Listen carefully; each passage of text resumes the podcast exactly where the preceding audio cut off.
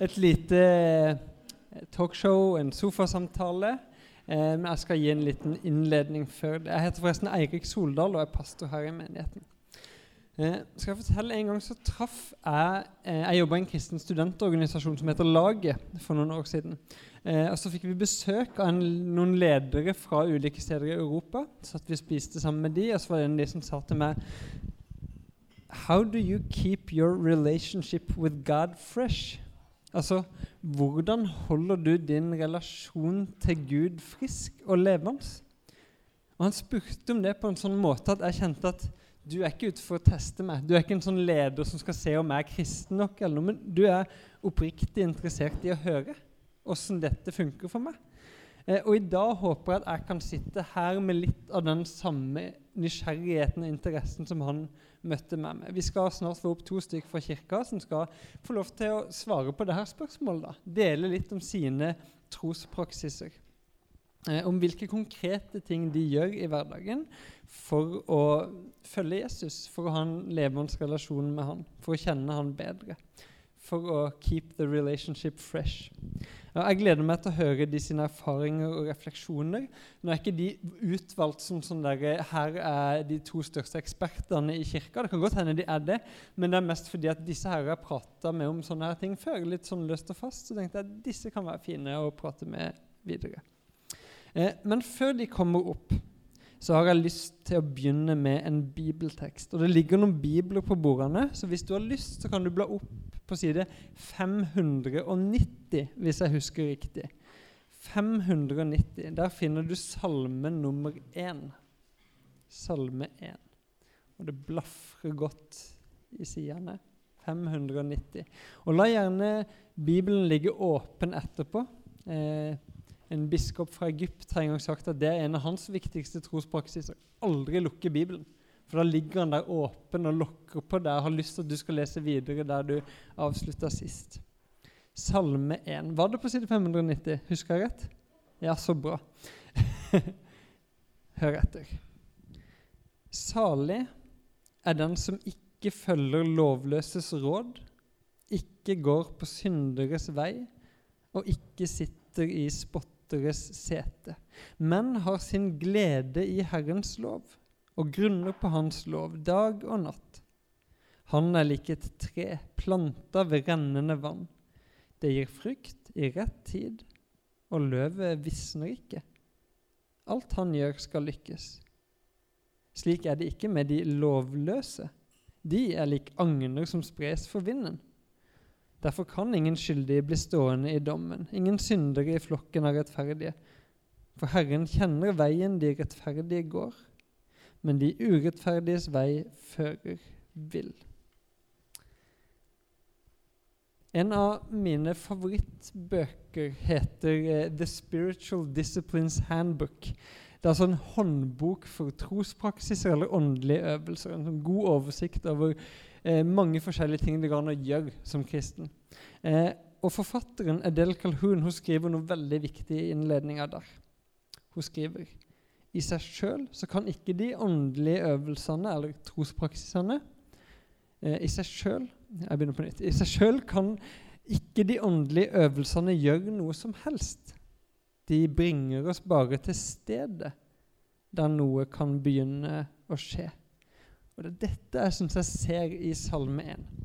Salmisten synger her om en trospraksis eh, som i seg sjøl ikke forandrer noe, men som bringer han til et sted der forandring finner sted.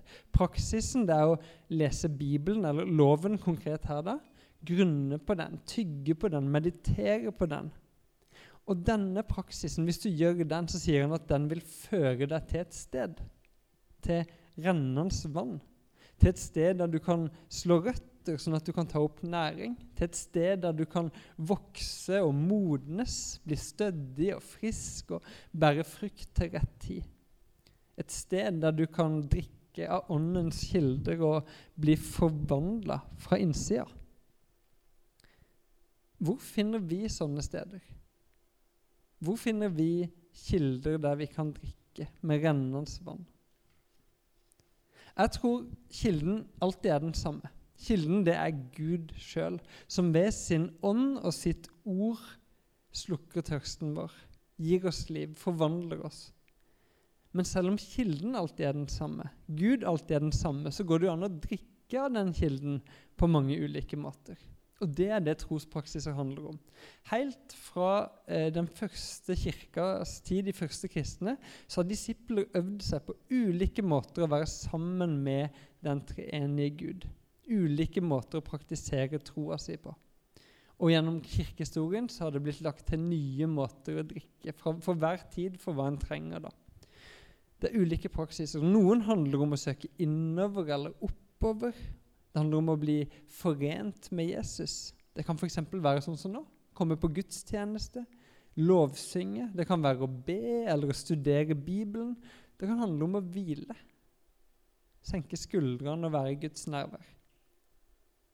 Andre praksiser handler mer om å søke utover for å bli forent med Jesu interesser i verden. På, for å bli med på det Jesus gjør i verden. Det kan handle om givertjeneste, det kan handle om evangelisering, eller å vise gjestfrihet, eller å engasjere seg i kampen for rettferdighet eller klima. Det kan handle om jobben din, der du gjør noe godt for andre. Eh, det fins ulike trospraksiser. Vi har ulike måter å drikke av kilden på. Og jeg tror at vi kan lære noe av hverandre. Jeg tror det var det han fyren jeg satt og spiste middag med, visste. At hei, nå møter jeg en ny kristen. Hva kan jeg lære av han? Så med det så ønsker jeg eh, mine to eh, talkshow-gjester velkommen. Jeg har ikke noe sånn sidekick skal, eller eh, band som skal tromme det inn, eller noe sånt, men velkommen og sett dere i sofaen, så skal dere få introdusere dere sjøl.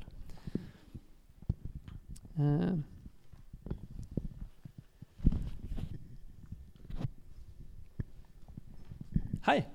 Hei. Hei. Første spørsmål ut. Eh, kjempelett eller kjempevanskelig, jeg vet ikke. Hvem er du? Og få høre en liten fun fact om deg sjøl. Ja, skal jeg starte, da? Camilla heter jeg. Jeg har gått her i Bjølsen siden 2016. Jeg jobber som tegnspråktolk og journalist i et magasin som heter Utsyn. Ja. Jeg tror ikke vi trenger å gå så mye videre enn det. Fun fact. Jeg blir veldig stressa av det spørsmålet om en fun fact. Så i går så holdt jeg på å gjøre noe sånn super-crazy bare for å ha et svar. uh, men uh, ja, jeg vet ikke. En fact, da. Kanskje en er fun. Det får dere avgjøre. Men uh, veldig ofte så står jeg opp midt på natta for å spise litt sjokolade. Og går og legger meg til å sove igjen. Mm. Jeg syns det høres fun ut. Det er veldig deilig, i hvert fall. Ja. Eh, jeg heter Maria Grun Gode. Er musiker og lærer. Jobber i kirka her i 20 stilling som uh, musikalsk leder. Um, ja, er gift med Øyvind, som sitter på hjørnet der. Um, og fun fact Den kom jeg på når jeg sykla hit. Syntes det var vanskelig å finne. Uh, jeg er veldig glad i mat uh, og var ganske tjukk og rund da jeg var liten. og satt bare ved bordet og spiste. Så mitt første ord var eh, 'mer'. Det er min yngste datter også veldig glad i å si. Så Camilla og Maria, takk. Nå kjenner dere de på dypet. Det er bra. Eh, hva slags praksiser gjør, trospraksiser, åndelige øvelser, gjør dere? Eller for å si som han fyren på restauranten How do you keep your relationship with God fresh? Vi går rett på. eh, Maria, har du lyst til å begynne? Ja. Eh, jeg har lyst til å starte med å referere til, eller nevne en bok som jeg har blitt veldig glad i, som heter 'Kunsten å forme livet'. Plastisk teologi. Plastisk er jo noe som er formbart. Den er skrevet av en teolog som heter Stian Kilde Aarebrot. Eirik har referert en del til han før. Eh, og han skriver om hvor viktig det er å etablere gode vaner. Eh, og han går jo da mye inn på gode åndelige vaner. Eh, og så sier han noe om det, eh, viser mye til moderne hjerneforskning og sånn, og sier at når vi ikke har etablert en vane, så tar det oss ekstremt mye hjernekapasitet og energi å ta de små og store valgene hver dag. Så det å ha etablert en god vane er jo ikke sånn motsetning da, til å hele tiden skulle ta så innmari mye valg. Så jeg har blitt veldig inspirert av den boka. Eh, og prøver hele tiden å etablere nye, gode vaner i mitt liv. Da. Og i forhold til tro så er det kanskje tre ting som peker seg ut. Eh, og det er eh, en vane jeg egentlig ikke fikk ordentlig før jeg gifta meg. Og det var å be kveldsbønn og huske det hver kveld. For jeg er nok veldig sånn eh, Har mye assosiasjoner, høy hjerneaktivitet og roter meg fort bort. Så hvis jeg skal be for meg selv, så på kvelden så kan jeg tenke dagen etter at Oi, hva skjedde med den bønnen? Jeg må ha sovna. så det har blitt en sånn god vane som jeg gjør med Øyvind. Og så er det jo å gå her, da, på gudstjeneste. Det er også noe jeg bare gjør. Jeg tar ikke en sånn runde på det hver søndag om jeg skal gå eller ikke. Og det samme med smågruppe, altså bibelgruppefellesskapet. Så min utfordring ligger nok litt mer i å den derre meg-Gud-relasjonen. Og faktisk eh, jobbe mer med hvordan kan jeg finne mitt lønnkammer, som det står i Bibelen. Altså den tiden hvor bare jeg er med Gud. For jeg kan rote meg litt bort i huet med mye tanker. Eh, så jeg til sist eh, si at der inspirerer jo mange andre meg. da. F.eks. en prest, eh, Sunniva Gylver, som sikkert mange har hørt om, i Fagerborg kirke. Og Hun sier jo at bare hun går til jobb, så liksom småsnakker hun med Jesus. Så hun gjør det liksom så naturlig. Eh, og det ble jeg inspirert av. da. Mm. Det er fint du setter ord på Man kan jo praktisere noe alene, eller i en liten gruppe, eller i en stor gruppe. Eh, og noen ting er lettere enn andre for forskjellige folk. Ja. Mm. Camilla? Eh, ja, det er jo på sett og vis mye av det samme. Eller sånn, jeg er nok mer en sånn innover-oppover-fokusert eh, person enn utadretta sånn i mitt eh, trosliv, da. Eh, og har eh, En av de vanene jeg har etablert etter hvert, ut ifra det du snakker om, er at jeg har en time på morgenen der jeg gjør som er på en måte avsatt til tid med meg og Gud. Og hva jeg fyller den timen av og til, blir det kanskje 40 minutter, eller ja.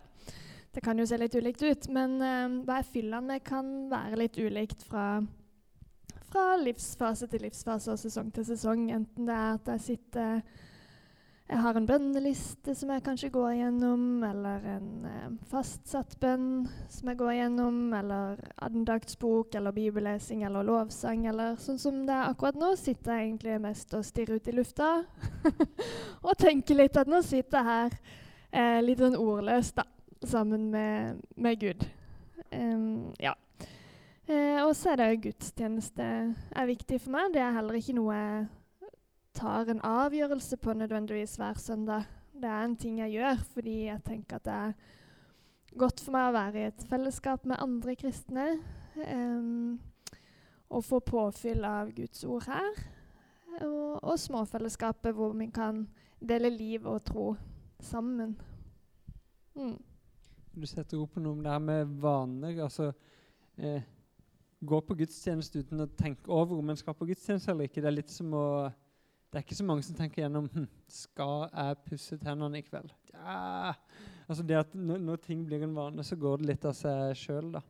Eh, og med det så kommer vi litt over altså, eh, Undervisningsserien heter 'Disipler i praksis', og ordet 'disippel' det minner mistenkelig mye om disiplin. Eh, hva tenker dere om det ordet? Hva slags vibber får dere når dere hører ordet 'disiplin'? Skal Ja, nei, altså er Disiplin, det er jo et litt sånn strengt ord, på en måte. Det inneholder mye For meg så får jeg mye assosiasjoner og vibber om krav og regler og rigiditet, på sett og vis. Og òg litt sånn dårlig samvittighet når jeg ikke klarer å forholde meg til det Ja, de planene, de tankene jeg har hatt. Um, så jeg tror nok jeg har lettere for å forholde meg til begrepet vane. Sett, altså, sånn, I praksis er det jo det samme, sånn egentlig. Men uh, ja, vane gir litt uh, mildere assosiasjoner for meg, da. uh, og jeg har veldig tro på vanens kraft. Um, ja, for å kunne holde ting ved like over tid. Men så tror jeg òg at det er viktig å ha litt sånn slingring. At ikke alt skal være rigid, men at på en måte man har begge deler. At man har rom og mulighet til begge deler. Um, ja, men har man en etablert vane, så er det nok når det sklir ut, da, som det vil gjøre, og som det gjør for meg hele tida. Ja, nå er jeg i en sånn fase hvor alt flyter, føler jeg. Da, men det at man har noe etablert, gjør det lettere å falle tilbake igjen i et godt mønster, tenker jeg. Det minner meg litt om Edin Løvaas, som har vært liksom inspirasjonen for at vi har disippeltema hele den høsten. Han forteller en gang i et eh, en tale han har om hvordan morgenen hans ser ut, hva han gjør for å be. Altså, han har en fast plass der han alltid sitter og har en Jesus-meditasjon og ber og det ene og det andre.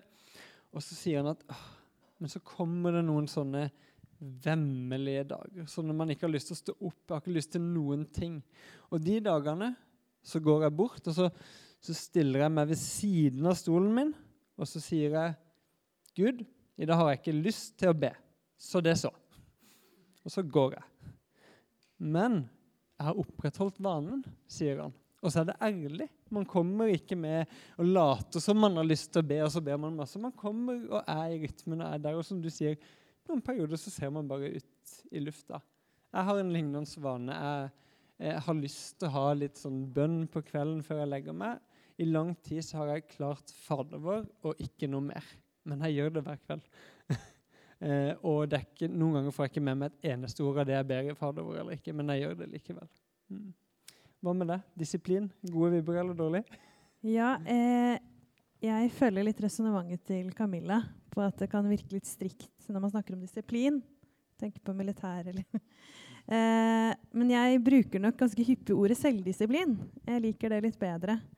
Eh, og for meg så tenker jeg at selvdisiplin handler om det å ha en veldig sånn indre drive, eller, eller sånn driv, indre driv, da, eh, og et ganske sånn skjerpet fokus. Og det ble jeg veldig inspirert av eh, i forhold til det jeg har rundt meg.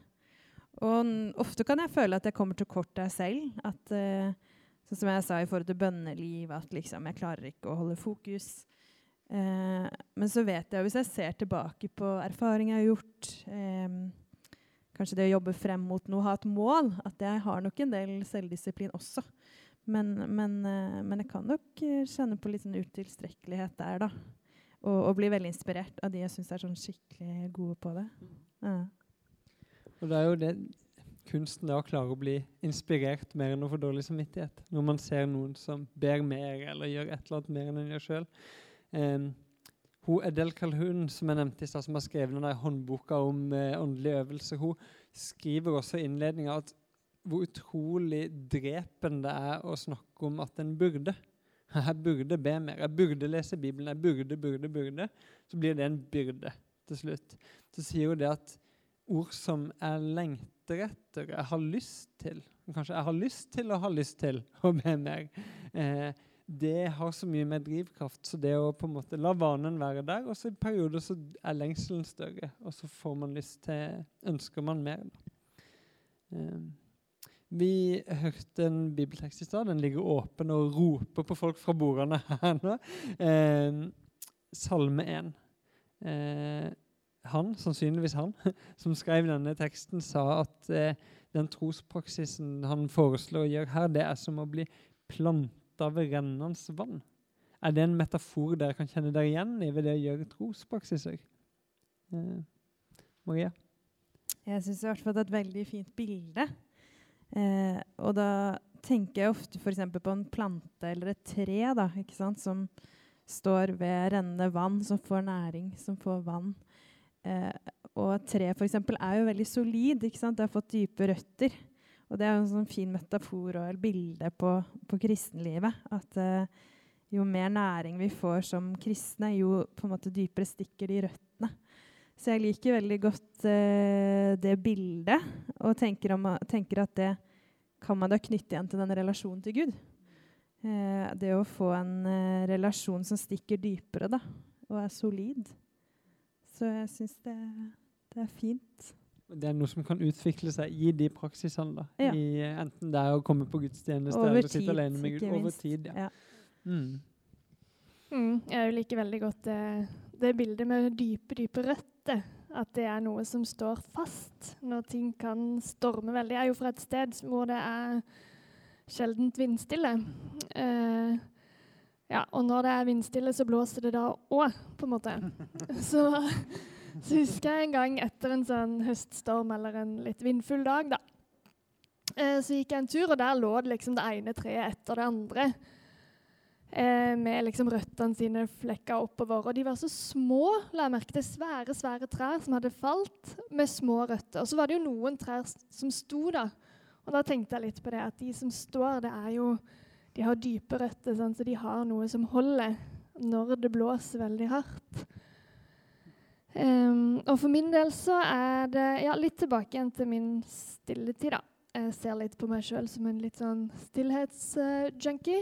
Uh, jeg er avhengig av uh, å komme til stillheten på ulike måter. Egentlig, egentlig hver dag. Uh, og jeg merker fort hvis det har gått for lang tid, eller hvis jeg ikke har prioritert å bare trekke meg tilbake og på ulike måter være i Guds nærhet, så blir jeg veldig rastløs på utsida, og spesielt på på innsida.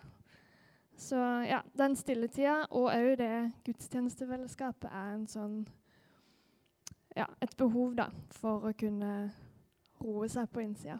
Mm. Du merker det når du ikke gjør det. Mm. Så Det er jo en sånn metafor som man kan, når man føler man ikke har fått drukket, så, så, står man ikke like sterkt. Um, og jeg syns altså noe fint med dette treet, for dette treet gjør jo ingenting. Det står jo bare der. Så da er det igjen den der at en skal ikke prestere så mye når en kommer til dette stedet, når man gjør seg tilgjengelig for Gud ved å åpne en bibel eller be en tidebønn eller si 'Hei, Gud', eller komme på gudstjeneste. Det, Gud gjør noe i oss. Det, det, er en kilde med liv som kommer utenfra. Og det, det er i hvert fall en, en, stor hvile for meg i at jeg må ikke alltid få ting til når jeg skal praktisere troa mi. Eh, som sagt så fins det jo mange måter å praktisere troa si på. Eh, er det noen praksiser dere er liksom er nysgjerrig på å teste ut, eller noe som dere hadde hatt lyst til å gjøre noe mer av enn dere gjør i dag? Maria? Ja, um, jeg tenkte på to ting. Det ene er jo det mer kontemplative, altså det å gå innover så mye av det du setter ord på. da, Å være mer i stillhet med Gud. Eh, F.eks. dra på retreat, hvor du er jo i stillhet og bønn ofte over en helg. Det har tenkt på sikkert i fem år. Jeg bare får ikke fingeren ut, så jeg bare må gjøre det. eh, for det tror jeg kunne vært en sånn spennende erfaring. Eh, og så er, det, så er, jeg veldig glad i naturen. Eller jeg merker når jeg først tar meg tid til å gå i skogen eller eh, gå opp en, til en fjelltopp, så gjør det noe med liksom det indre og hvilepulsen. da. At du finner en sånn indre ro. Eh, for det hverdagene, og særlig som lærer, kan være ganske sånn eh, kaotiske og høyt tempo. Um, så derfor tenker jeg at det å søke Gud liksom mer sånn eh, i naturen, det har jeg lyst til å finne mer ut av. Um, og så har jeg veldig tro på det å besøke ulike kirker. Uh, ulike kristne sammenhenger, uttrykk. Um, og for min del så er det liksom Jeg kan like å gå på en katolsk messe, jeg kan like å gå på et pinsemøte. Eh, og opplever kanskje at jeg har litt I forhold til det har jeg litt mer den innstillingen more is more. mer enn less is more. Eh, ja. At det fins så utrolig mange måter å møte Gud på, søke Han. da. Bare for å skyte inn en sånn erfaring jeg har gjort selv der. Eh, jeg er veldig glad i også mye av mer av det karismatiske uttrykket. Og opplever det som eh, både trosstyrkende og, og, givende og, og, litt spennende. Um, så i tillegg til å gå her, så er jeg med i um, et uh, sånn lovsangsteam i, på et sted som heter Bønnehuset. Og det er eh, Lokalene ligger i Philadelphia i Oslo, i sentrum der. Men, eh, men det er et eh, tverrkirkelig tiltak, altså for alle typer kirkesamfunn.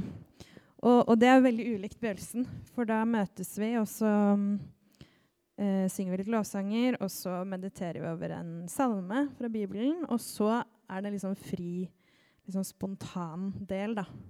Hvor vi enten synger altså ordet etter som står i salmen, eller improviserer. Og noen ganger så kan det være assosiasjoner du bare får som kommer helt fra deg selv, og andre ganger så opplever vi jo at at Den hellige ånd virker, da, og at Gud legger noe på hjertene til de som er med. Så jeg synes, eh, Bare for å runde av på svaret mitt, så syns jeg at eh, det er så fint at man ikke låser seg til ett uttrykk. Og, og, jeg opplever Jeg tror det er viktig å tenke at Den hellige ånd og Gud virker like mye gjennom det godt planlagte og forutsigbare som det spontane. Det er ikke sånn, jeg tror ikke det er et enten-eller der. da. Og det liker jeg. Mm. Få litt av fra alle leire. Og, og, hvis noen kjente at de ble litt nysgjerrig på å dra på bønnehus og synge lovsanger sammen med den, når er det her? i tilfelle? Det er tirsdager fra fire til halv seks. Hvis du mm. trenger en liten dose karismatikk før middag, så kom, eh, kom eh, i bønnehuset da. Eh, Camilla, hva, er det noe du har vært nysgjerrig på eller eh, vil gjøre mer av? Nei. nei. jeg, har ikke, jeg, har liksom ikke tenkt på noen sånn konkrete ting på samme måte som Maria, egentlig. Um, men, um, men, ja, jeg har lenge snust litt på dette med tidebønn, f.eks. Og var i gang med et sånt tidebønnsprosjekt uh, for, for, min egen del. Og uh, hva skal man si? Jeg liker veldig godt konseptet tidebønn, at man ber på faste tider hver dag. Og jeg hadde en sånn eh, app og en bok og mye greier for å på en måte hjelpe meg til å gå gjennom faste bønner på faste tider. Men eh, ja, det ble aldri en etablert vane hos meg. Jeg fikk det ikke til, de tre minuttene det tar morgen og kveld. Eh, men, men jeg tenker jo at det er jo en tid for alt. Så jeg tenker at det er jo ikke noe, jo ikke noe jeg har gitt opp, selv om det bare ikke funker akkurat nå. Mm. Og Det tror jeg er viktig. Du setter ord på den erfaringa å teste ut et eller annet som bare ikke funker helt. Og så vil det se så forskjellig ut fra person til person. Eh, som jeg delte i en undervisning her for ikke lenge siden om hvordan nettopp tidebønnen, det å ha noen faste, skrevne bønner og sånn, bare var sånn åh, endelig får jeg det til. Endelig klarer jeg å be, og så starter det en sånn småprat og relasjonell ting i løpet av, i, i løpet av dagen ellers. Og så prøver du det samme, og så er det bare sånn øh, Ja, jeg klarer en time eller 40 minutter med noe annet på morgenen, men tre minutter med det her er drepen, liksom. Så det er en viktig ting. Det jeg har hørt noen har sagt. Altså, be som du kan. Ikke som du ikke kan. Be som du kan, ikke som du ikke kan. Vi er skrudd sammen på forskjellige måter. Um, så jeg tror kanskje jeg går inn på siste spørsmål. Dere har vært kristne en stund. Dere sitter her ikke som eksperter, men som en av oss. Eh, men jeg har lyst til å spørre, har dere noen råd til meg og til oss andre altså når det gjelder trospraksiser? Når det gjelder disse gode vanene og de tingene vi gjør for å plante oss ved rennende vann. Camilla? Mm. Um, ja, det jeg tenker da, Nå har vi jo snakka en del om dette med vane. Og noen kan jo tenke litt sånn tvangstrøye, eh, selv om jeg tenker litt frihet eh, i det begrepet vane.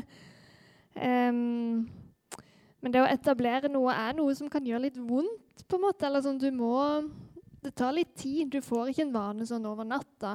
Um, så det første jeg vil si, er jo på en måte at å gi deg sjøl litt slack. Eh, men òg gi deg sjøl tid nok til å se om det kan bli en etablert vane. Ikke bare gi opp med en gang du føler at 'å nei, nå datt jeg litt nå datt jeg av lass allerede onsdag morgen på en måte, eller onsdag kveld eller whatnot, når du føler for å gjøre dette her. da. Men ja, gi deg sjøl tid, eh, og ja, tenk at det går bra eh, på'n igjen. Vi prøver igjen torsdag. Det går fint. Um, og òg på en måte ikke tenkt så stort på det nødvendigvis. Altså en time. Det har tatt meg ganske mange år til å tenke at en time er deilig. Eh, fem minutter er fint, det òg. Og så kan man heller utvide etter hvert. tenker jeg etter hvert Som en liten vane har fått etablert seg, så kan den på en måte få lov til å vokse seg større. da. Um, tenker jeg. Og ikke Så vil jeg litt den derre alt eller ingenting-tanken til livs. Det gjelder egentlig over hele fjøla. Trospraksis, trening, mat. Alt. Altså, det er ikke alt eller ingenting. Det du gjør, er bra nok. Mm. Jeg har lyst til å følge opp litt det siste du sa. Fordi jeg tror at eh, kanskje særlig i forhold til egen tro, da, trospraksiser, så kan det bli veldig mye dårlig samvittighet Det er litt sånn som jeg sier, som jeg sa innledningsvis, at jeg skulle ønske jeg hadde mye mer etablerte gode vaner med tid alene med Gud. Så for meg så skulle jeg liksom vært her. Men så er det jo en utvikling, og det er en reise, og det er jo litt sånn som alt annet i livet at vi er på en måte på en vandring. Litt klisjé å si, men vi er jo det. Um, men jeg tenker sånne tips um, er kanskje det å være åpen og nysgjerrig. Uh, og jeg tror det er viktig å ikke låse seg til en sånn tankegang at enten kun dette uttrykket passer meg, eller akkurat den ene måten jeg har søkt Gud på nå over tid. Fordi eh, veldig mye må vi jo tillære oss. Ikke sant? Det er en prosess. Så kanskje ikke det funker liksom som du sier med tidebønn, da, kanskje ikke det funker første eller fjerde eller tiende gang, men når du har gjort det 50 ganger, eller bare i en annen sesong av livet, liksom, så, så plutselig så Kanskje er det der du møter Gud sterkest, da. Så jeg har tro på det å, å være litt sånn open-minded. Og det tror jeg er fint med vår generasjon òg. At jeg opplever, i hvert fall når jeg snakker med andre som kaller seg for kristne, at, at vi er nok litt mer altetende enn kanskje vår foreldregenerasjon. Da, for de som har vokst opp i kristen sammenheng. Det tror jeg er veldig nyttig og lærerikt og fint. Og, berikende for ens eget trosliv. da. Så for å oppsummere rådene deres sånn som jeg hører de, eh, stå i noe over tid.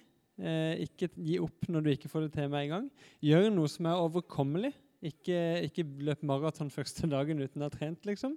Og prøv litt forskjellige ting. Ikke sett deg fast i at dette er det som funker for meg, og ikke noe annet. Eh, og så er jo trospraksisene det er jo ikke bare øvelser, det er jo en relasjon. Det er tid vi bruker sammen med Gud. Og jeg fikk lyst til å bare eh, la eh, noe kona mi har sagt en del ganger, få lov til å avslutte samtalen vår. Eh, etter å ha vært på retreat eh, og sånne ting, så sitter hun igjen med en sånn eh, Og retreat er da å dra et sted på et senter der man ber sammen og spiser og er stille og slapper av og hviler. Eh, så kommer hun inn igjen med at ja, men Gud bruker den tida du gir han. Og om det er to minutter, så kan Gud gjøre mye på de to minuttene. Så, så ikke tenk på sånn jeg burde, burde, burde, men, men å, tenk mulighetene jeg har. Tenk hva jeg kan, eh, og kjenn etter hva det er du lengter etter. Eh, takk for praten. Eh, jeg skal la dere få lov til å sette dere. Og så eh, glir vi rett og slett direkte over i at vi skal gjøre en trospraksis sammen. Eh, det er noe som heter å feire nattverd. Eh, og vi begynner rett på å ta lovsangen på vei inn i det. Jeg ber en bønn før vi går dit. Gud, takk for samtalen vi har fått høre. Jeg ber om at de ordene som er blitt delt, og de tankene som har dukket opp i hodene våre, og den bibelteksten vi har lest, at det må få lov til å eh, lede oss eh, inn i noe som er godt for oss i tida som kommer, noe du kan bruke. Eller bare minne oss om det vi allerede gjør, og hjelpe oss å se at det er verdifullt. Det ber jeg om i Jesu navn.